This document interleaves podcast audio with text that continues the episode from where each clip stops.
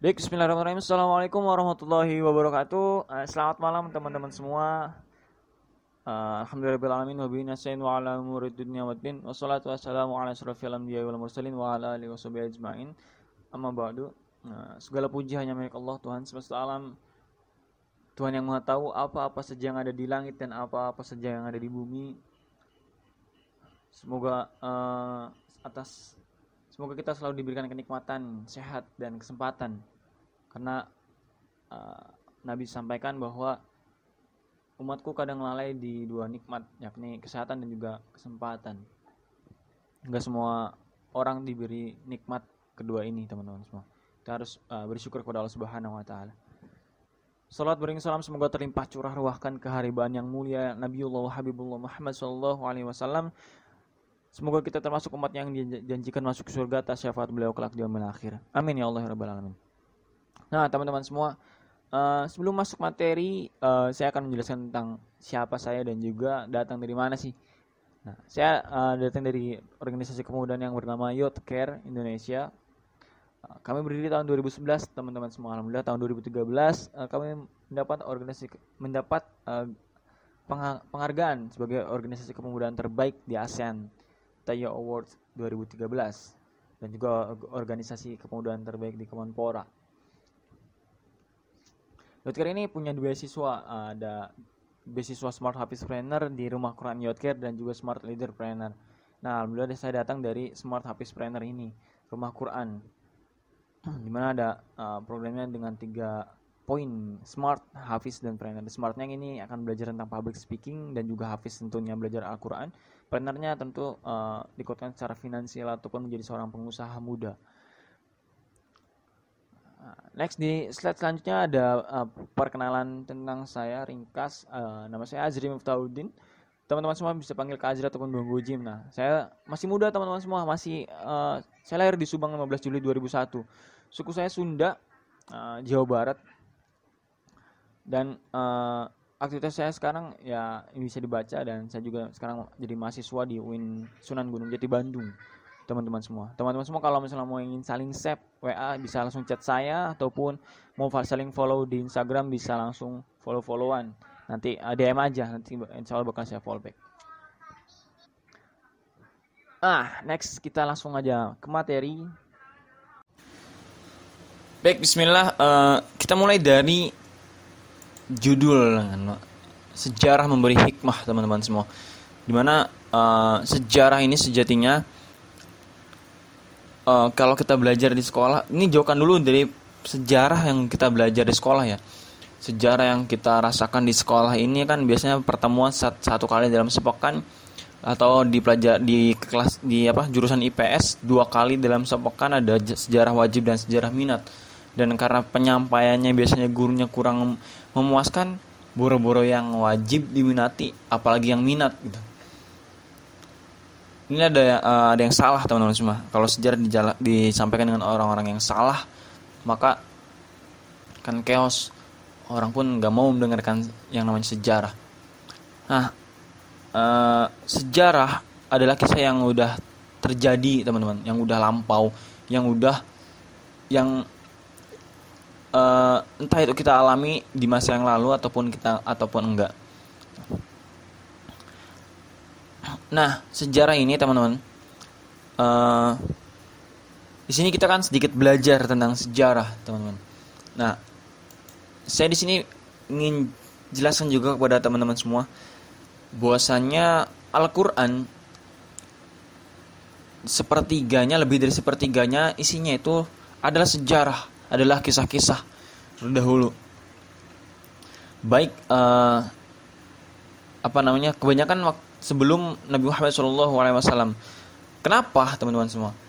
Agar Nabi pun belajar dari sejarah, belajar dari uh, bapak-bapaknya para nabi, para nabi-nabi sebelumnya, sebelum Nabi Muhammad SAW penting uh, bagi Nabi itu belajar sejarah juga dan ingat teman-teman semua tadi lebih dari sepertiga Al-Quran itu adalah sejarah kisah.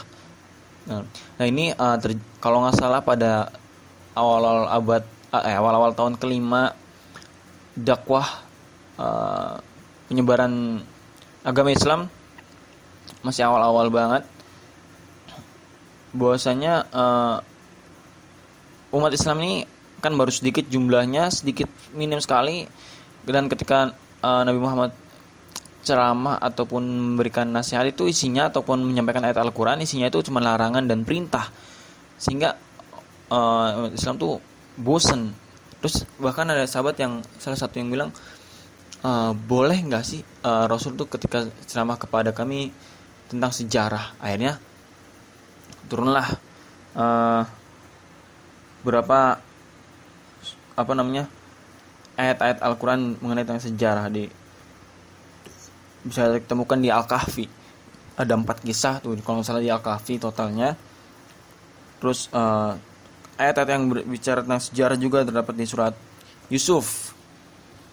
Quran surat Yusuf ayat uh, ayat terakhir tentunya uh, baru di awal udah ini pokoknya ayat Yusuf ini banyak tentang sejarah teman-teman. Sesuai namanya Yusuf ini kan uh, lahir sebelum ataupun hidup di zaman yang jauh dari Nabi maksudnya terdahulu sejarah dari dari Nabi pun. Ayat uh, 111 Allah sampaikan laqad kana fi qasasihim ibrah. Sungguhnya pada kisah-kisah mereka itu terdapat pengajaran liulil albab. Laqad kana fi qasasihim ibratul liulil albab. Bagi orang-orang yang ulil albab mempunyai akal jadi sejarah ini akan mengefek, akan memberikan pemahaman yang sangat luar biasa, akan uh, mengupgrade mental kita kalau kita termasuk kategori ulil albab teman-teman semua. Karena ada, kadang ada orang yang diceritakan tentang sejarah karena udah merasa pandai, merasa so tahu, jadi uh, apa namanya ya akalnya udah nggak lagi kisah-kisah sejarah nggak bisa memetik ibroh. Artinya gelap. Tidak memetik ibroh dari cerita ataupun sejarah teman-teman. Nah pentingnya uh, belajar sejarah Islam atau yang tadi saya sebutkan bosnya di Al-Quran itu lebih dari sepertiga Al-Quran berisikan tentang sejarah atau sirah kisah. Umat-umat terdahulu agar banyak uh, memberikan pelajaran kepada Nabi. Ini uh, ingat teman-teman semua. Dan periode ini, ini periode ini tuh terjadi ayat-ayat yang turun tentang kisah ini yang lebih dari sepertiga Al-Quran ini diturunkan pada saat uh, Nabi masih di Makkah. Yang di mana di Makkah itu berarti uh, Islam baru awal-awal masih ya, sekitar 13 tahun di sana kan. Dan ingat teman-teman semua uh, ketika di Makkah tuh sedang penanaman akidah terhadap para sahabat para, para terhadap generasi awal-awal Islam. Jadi di sini bisa kita petik ibrohnya bahwasanya uh, pelajaran terbaik untuk mengajarkan generasi kepada uh, apa peradaban, membangun peradaban adalah dengan sejarah, dengan kisah-kisah yang bisa memotivasi umat. Nah, uh, di sini saya jabarkan tiga poin teman-teman yang bisa teman-teman saya semua lihat di slide. Pentingnya belajar sejarah uh, tahu nanti akan kita bisa ambil hikmahnya. Seperti itulah teman-teman semua. Uh, sejarah itu memberikan kita banyak pelajaran memberikan, memberikan kita banyak hikmah. Uh, bahkan uh, Allah Subhanahu Wa Taala berfirman dalam Quran surah Al-Baqarah tuh uh, Inna Allah la yastahi ayyadriba masalan ma ba'udatan fama fawqaha. Sungguhnya Allah tidak akan malu, tidak akan pernah segan membuat perumpamaan contoh-contoh perensalan-perensalan bahkan uh, melalui via seekor nyamuk fama fauqaha ataupun yang lebih rendah daripada itu. Jadi Allah tuh uh, memberikan kita untuk memberikan apa? mengambil hikmah di sebuah uh, peristiwa ataupun sejarah yang kita baca via buku-buku segala macam. Poin yang pertama uh, jelas menguatkan iman teman-teman semua. Kalau teman-teman semua membaca Al-Quran, Tuhan membaca artinya, memahami maknanya, uh, banyak tentang kisah-kisah para nabi terdahulu yang kita tidak hidup di zaman di di zaman nabi-nabi tersebut, tidak hidup di zaman generasi sahabat segala macam.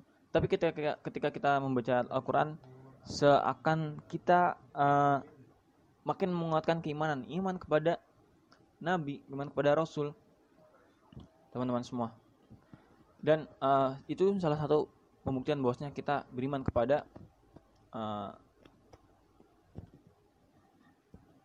kitab iman kepada kitab-kitab Allah Subhanahu wa taala. Karena tentang kitab-kitab Allah Subhanahu wa taala yang sebelumnya itu pun dikisahkan dalam Al-Qur'an. Jadi teman-teman semua bisa belajar dari Al-Qur'an. Setelah jelas bahwasanya di sini konteksnya bisa menguatkan iman, teman-teman semua. Yang kedua bisa memberikan inspirasi. Banyak kisah-kisah yang uh, membuat atau memberikan inspirasi kepada kita di Al-Qur'an. Misalkan di uh, banyak kisah-kisah lah pokoknya mah di uh, di surat Yusuf pun ada banyak kisah di Al-Kahfi segala macam banyak kisah yang memberikan inspirasi. Uh, saya kutip di sini adalah kisah uh, Lukman ketika memberikan nasihat kepada anaknya. Itu pun Allah berikan dalam Al-Quran. Surat Lukman teman-teman uh, semua mungkin di sini udah, udah pada hafal udah pernah pada paham makna dari tersebut gitu Lukman tinggal tinggal silahkan buka lagi Quran surah Lukmannya di review ulang coba eh, teman-teman. Nah yang poin ketiga adalah berdakwah teman-teman penting uh, sejarah nih bisa dipakai kita pakai untuk berdakwah ladang berdakwah. Karena kenapa? Uh, kadang kita kalau ingin menasihati orang cuman kadang kita ragu kita ngerasa nggak mau menggurui nggak mau menasihati. Kadang ada orang tuh yang dinasihati keras hatinya nggak bisa dinasihati gitu. Nah kita uh, nasihatilah dengan bercerita berkisah gitu. Karena uh, orang tuh biasanya mau dengerin kisah mau dengerin uh, cerita. Makanya banyak apa namanya uh, acara-acara di, di TV tentang curhat segala macam curhatan. Itu dan viewersnya banyak gitu segala macam. Nah itulah orang tuh pengen selalu pengen mendengarkan cerita. Baik via tontonan segala macam ataupun mendengarkan cerita langsung. Nantilah uh, misalkan kita berdakwah nih kepada teman kita yang boros nanti jangan langsung cerit apa ceramain tentang keborosan dia tapi berceritalah tentang yang ada hikmahnya biar dia nggak boros biar nggak mau bazir waktu mau bazir uang segala macem. Itulah uh, apa namanya pentingnya belajar sejarah teman-teman semua. Nah kali ini uh, saya akan kisahkan beberapa kisah yang mungkin bisa menginspirasi kita teman-teman semua. Karena tadi uh, menyinggung tentang Al-Quran dan lebih lebih dari sepertiga Al-Quran itu berisi sejarah uh, kita tahu sosok istimewa yang uh, bahkan Rasul pun selalu apa ya Rasul pernah ngomong kalau kalau mau dengerin Al-Quran turun pas masih segar-segernya dengarlah bacaan uh, Abdullah bin uh, Abdullah dengerin bacaan uh, orang ini namanya Abdullah bin Mas'ud atau uh, Ummi uh, Ummu Abidin, Ummu Abidin intinya.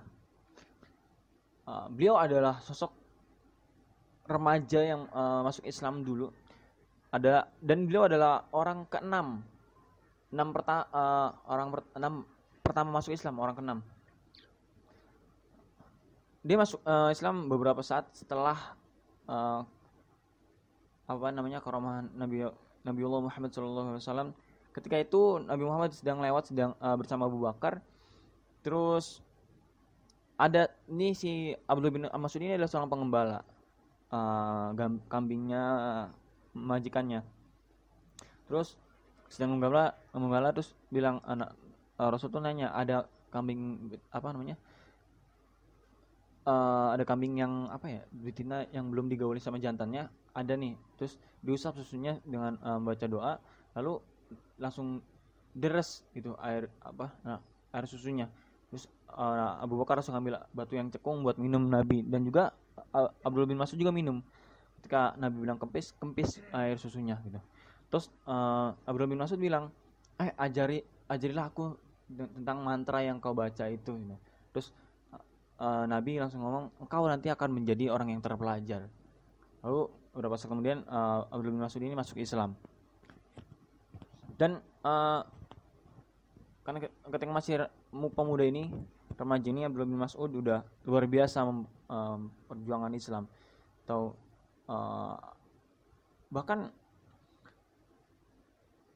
uh, apa namanya Abdul bin Mas'ud, bin Mas'ud ini pernah bilang e, aku telah mendengar langsung 70 lebih dari 70 surat yang uh, melalui lisan Rasulullah. Dan tidak ada yang yang bisa melebihi dari itu apa namanya maksudnya sahabat-sahabat yang lain itu nggak ada yang bisa seperti Abdul bin Mas'ud gitu bukan kadang-kadang uh, Nabi Muhammad itu request baca coba dong baca Al-Quran karena sampai menitikkan air, uh, air mata di waktu itu di apa di surah Nisa 4142 kalau nggak salah dan juga uh, waktu Abdullah bin Mas'ud ini sholat di masjid uh, Nabi ketika lewat berhenti dulu sejenak buat dengerin Abdul bin Mas'ud ini baca Al-Quran. Perjuangan sangat luar biasa dengan Al-Quran teman-teman semua yang uh, di mana ini terjadi yang diturunkan ketika sirah-sirah turun di Al-Quran ini banyak kan di Mekah gitu luar biasa uh, kepada Abdul bin Mas'ud kuat uh, ilmu tafsir dan Al-Qur'annya. Bahkan ketika awal-awal dakwah secara terang-terangan Abdullah bin Mas'ud adalah orang yang pertama dan mengusungkan diri untuk membacakan Al-Quran di depan publik. Waktu itu di depan Ka'bah. Uh, sebelumnya ketika di uh, rumahnya Abu Bakar, terus nggak bisa nih kata Abu Bakar nggak bisa nih kalau Islam udah udah sedikit sedikit agak banyak, terus diem-diem aja kita harus stop dakwah secara diam-diam harus dakwah secara uh, terang-terangan terus akhirnya yang ngusulin diri buat dakwah secara terang-terangan ini adalah pertama kali Abdul bin Mas'ud akhirnya Abdul bin Mas'ud mengeksekusi uh, tujuannya menghampiri Ka'bah dan menunjukkan Ar-Rahman alam Al-Quran beberapa ayat dan suara beliau sangat kencang dan sehingga orang yang sedang menyembah berhala-berhala di seliling Ka'bah langsung terfokus kepada Abdul bin Mas'ud. Dengarkan perkataannya, lalu petinggi-petinggi Quraisy uh, saat itu langsung geram dan marah memukuli Abdul bin Mas'ud. Sambil dipukulin, uh, ketika dipukulin uh, warga Mekah melihat ngeliatin doang. Dan juga uh, akhirnya setelah itu dibantu dirawatlah ke rumah Abu Bakar lagi. Ketika itu uh, ditanya gimana keadaanmu keadaanmu Abdul bin Mas'ud? Alhamdulillah ya Rasul Abu Bakar uh, kalau kalau lah kalau, uh, kalau besok aku suruh bacakan ayat lagi di depan Ka'bah akan aku lakukan gitu luar biasa teman-teman semua keteguhan uh, Abdul bin Mas'ud ini. Bahkan ketika itu sedang membaca Al-Quran dipancing sama Abu Jahal. Di di dehem dehem gitu. Di ini. Tapi itu tidak membuat gentar uh, Abdul bin Mas'ud. Lalu ketika itu uh, Abu Jahal ini menggenggam tangan dan juga itu pun uh, sedikit gentar buat gentar Abdul bin Mas'ud. Sampai sampai Abdul bin Mas'ud ini dipukul sampai berdarah. Dan tetap sabar keteguhan hatinya. Lalu datang ke tempat para sahabat kumpul terus ditanya kenapa? Uh, bin Mas'ud ya. tadi uh, dipukul sama Ujal. Nggak apa-apa. Yang penting telinga ini masih apa namanya berfungsi dengan secara baik gitu segala macam. Kalau lah besok akan aku apa uh, akan kau suruh untuk melakukan hal yang sama pun akan aku lakukan itu buat mendakwahi uh, Ujahal segala macam luar biasa teman-teman semua perjuangan Abdullah bin Mas'ud ini. Seorang uh, penghafal Quran yang segala macam. Sejarah kedua atau uh, kita bisa belajar dari uh, Umar bin Khattab seorang leader. Di sini kita bisa belajar dari sejarah ini. Karena kita bisa bisa belajar teman-teman semua dari sejarah tuh banyak hal gitu. Kalau leadership secara kepemimpinan membangun kurikulum membangun peradaban bisa kita belajar dari Umar bin Khattab Umar bin Khattab ini adalah kisah atau banyak kisah yang bisa kita ambil ibrahnya gitu teman-teman banyak kisah dari Umar bin Khattab yang bisa menginspirasi kita. Uh, salah satunya adalah kisah bagaimana Umar bin Khattab ini waktu menjabat sebagai Amirul Mukminin dan kebiasaan beliau adalah berkeliling ngecek umatnya ada ada masalah apa dalam umatnya nih. Maksudnya dalam kehidupannya ada masalah nggak? Maksudnya di saat malam hari. Dan inilah kebiasaan. Dan juga kadang Umar bin Khattab bin, bin Khattab ini nyamar biar nggak ketahuan sama umatnya. Uh, suatu hari suatu malam Umar bin Khattab keluar keliling-keliling sampai pintu gerbang Madinah. Akhirnya ketemulah. Beliau melihat ada uh, seorang yang menancapkan tenda di ujung gerbang uh, pintu masuk gerbang Madinah nah ketika itu Umar bin Khattab menanyakan dan musafir ini tidak mengenali Amirul Mukminin siapa? Belum pernah melihat mukanya segala secara langsung. Umar bin Khattab pun menanyakan ya Fulan uh, uh, kau siapa? Gitu. Terus dijawab aku adalah musafir yang insya Allah uh, bakal bermalam di sini karena karena menancapkan tenda. Terus di dalam tenda ini ada siapa? Kata beliau uh, di dalam ada ada istriku. Eh awalnya beliau bilang ini uh, sudahlah jangan dikhawatirkan. Terus kata Umar kalau misalkan ada yang mau dibantu bilang aja nanti uh, saya akan bantu. Sesungguhnya uh, jeritan di dalam ini adalah suara istriku yang menahan ingin melahirkan tapi apalah daya aku kan laki-laki nggak bisa bantu persalinan. Oh kalau gitu tunggu di sini akan aku carikan dokter atau bidan untuk membantu proses persalinan. Akhirnya Umar pulang karena di situ waktu itu apotek nggak ada yang buka bidan belum ada yang buka segala macam. Akhirnya Umar ngajak istrinya untuk membantu proses persalinan istri dari musafir tersebut. Ketika dia diajak malam tengah malam istrinya sedang tidur mukul sumni langsung diajak. Ketika itu udah masuk ke tendanya ada proses persalinan jalan. Uh, Umar pun bahkan uh, menyiapkan makanan untuk nantinya istrinya si musafir ini menghangatkan makanan.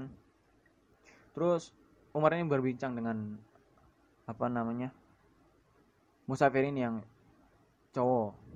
Ngobrol-ngobrol-ngobrol ketika itu langsung ada teriak-teriakan dari uh, dalam tenda. Ya Amirul Mukminin berilah kabar kepada orang di samping kamu itu bahwasanya anak yang dilahirkan adalah cowok dan sehat. Orang ini tercengang musafir ini. Langsung ketika uh, duduk ber, uh, sen, apa? Ada pada apa langsung kakinya bersu, uh, bersimpuh. Apakah kau benar Amirul Mukminin? Apakah kau benar uh, Umar bin Khattab? Umar bin Khattab pun membantu buat naik apa? Megang pundaknya dan sudahlah sini duduk kembali lagi gitu. Uh, apa jawab dulu apakah kau benar uh, Umar bin Khattab Amirul Mukminin ya aku adalah Umar bin Khattab. Aku adalah Amirul Mukminin dan di dalam adalah istriku. Masya Allah uh, sangat luar biasa malam ini persalinan anakku dibantu oleh istrinya orang nomor satu. Istrinya uh, orang yang paling kagum-kagumin di umat Islam atau leadernya dan aku sekarang ngobrol langsung gitu ngopi-ngopi ngobrol uh, bersama Amirul Mukminin gitu. Banyak kisah uh, yang bisa kita ambil ibunya teman-teman. Khalifah uh, Umar bin Khattab atau Amirul Mukminin. Terus juga uh, selain itu ada kisah tentang ketika Umar ini membeli dosa so, seorang nenek. Waktu itu Umar uh, pulang hijrah, uh, pulang uh, safar, mampirlah ke rumah yang paling ujung di daerah Madinah. Dan dijumpailah seorang nenek. Terus karena tampil kan Umar ini sering nyamar gitu. Jadi tampilnya nggak kayak Amirul Mukminin nggak kayak uh, apa namanya pimpinan gitu segala macam. Ketika itu uh, Umar ini iseng nanya nek bagaimana pandanganmu tentang uh, Amirul Mukminin tentang Umar bin Khattab? Katanya ini semoga Allah uh, tidak meridoinya. Oh Umar bin Khattab kaget dong. Di depan di depan orangnya langsung langsung di uh, doain seperti itu. Terus Umar bin Khattab uh, nanya kenapa nek? Kok kok begitu? Karena Umar bin Khattab nggak pernah ke sini nggak pernah um, memberikan uang ataupun memberikan umatnya yang ada di yang di sini gitu. Kata lalu Umar pun ngomong kan di sini jauh nek dari uh, ini apa namanya jadi kurang ngejangkau. Yang namanya pemimpin itu harus menyuruh kepada umatnya. Terus uh, secara keseluruhan tuh harus kenal umatnya itu harus harus apa namanya mengayomi umatnya gitulah. Terus akhirnya Umar bin Khattab ini sedikit uh, terpukul hatinya dan langsung ngomong nek uh, biarlah aku beli dosa si Umar padahal dia, dia sendiri ngomong si Umar ini dengan uh, kalau nggak salah 25 dinar 25 dinar agar uh, dosanya uh, bisa membantu keringanan dosa-dosanya gitu. Apakah bercanda gitu? Kata nenek itu alah bercanda bercanda. Masa dosa mau dibeli? Nggak apa-apa nek biar uh, ini segala macam lah. Akhirnya uh, diterima uangnya dan sebelum Umar pamit uh, dari sang nenek ada sahabat yang ma uh, lewat kebetulan dan mengucap salam. Assalamualaikum ya Amirul Mukminin. Nenek ini kaget gitu. Oh ternyata ini adalah Amirul Mukminin gitu. Uh, mohon maaf langsung minta maaf dengan rasa bersalah. Dia nggak tahu kalau itu Amirul Mukminin dan uh, Umar pun langsung ngomong nggak apa-apa nek. Semoga Allah meridoinya segala macam. Terus abis itu Umar nulis di belakang bajunya dengan Eh, kata-kata uh, kalau misalkan nenek ini apa ada dosa terhadap umat yang terzolimi segala macam bahwa tentang nenek ini bersaksilah bahwa bahwa hari ini aku telah bayar dosa tersebut. Nah, macam ditandatangani oleh kalau Abdul bin Mas'ud waktu itu. Dua orang sahabat. Banyak kisah teman-teman semua yang bisa kita petik uh, dari kisah-kisah sejarah. Terutama menguatkan keimanan terus juga memberikan kita inspirasi dan juga buat ajang kita untuk berdakwah teman-teman semua.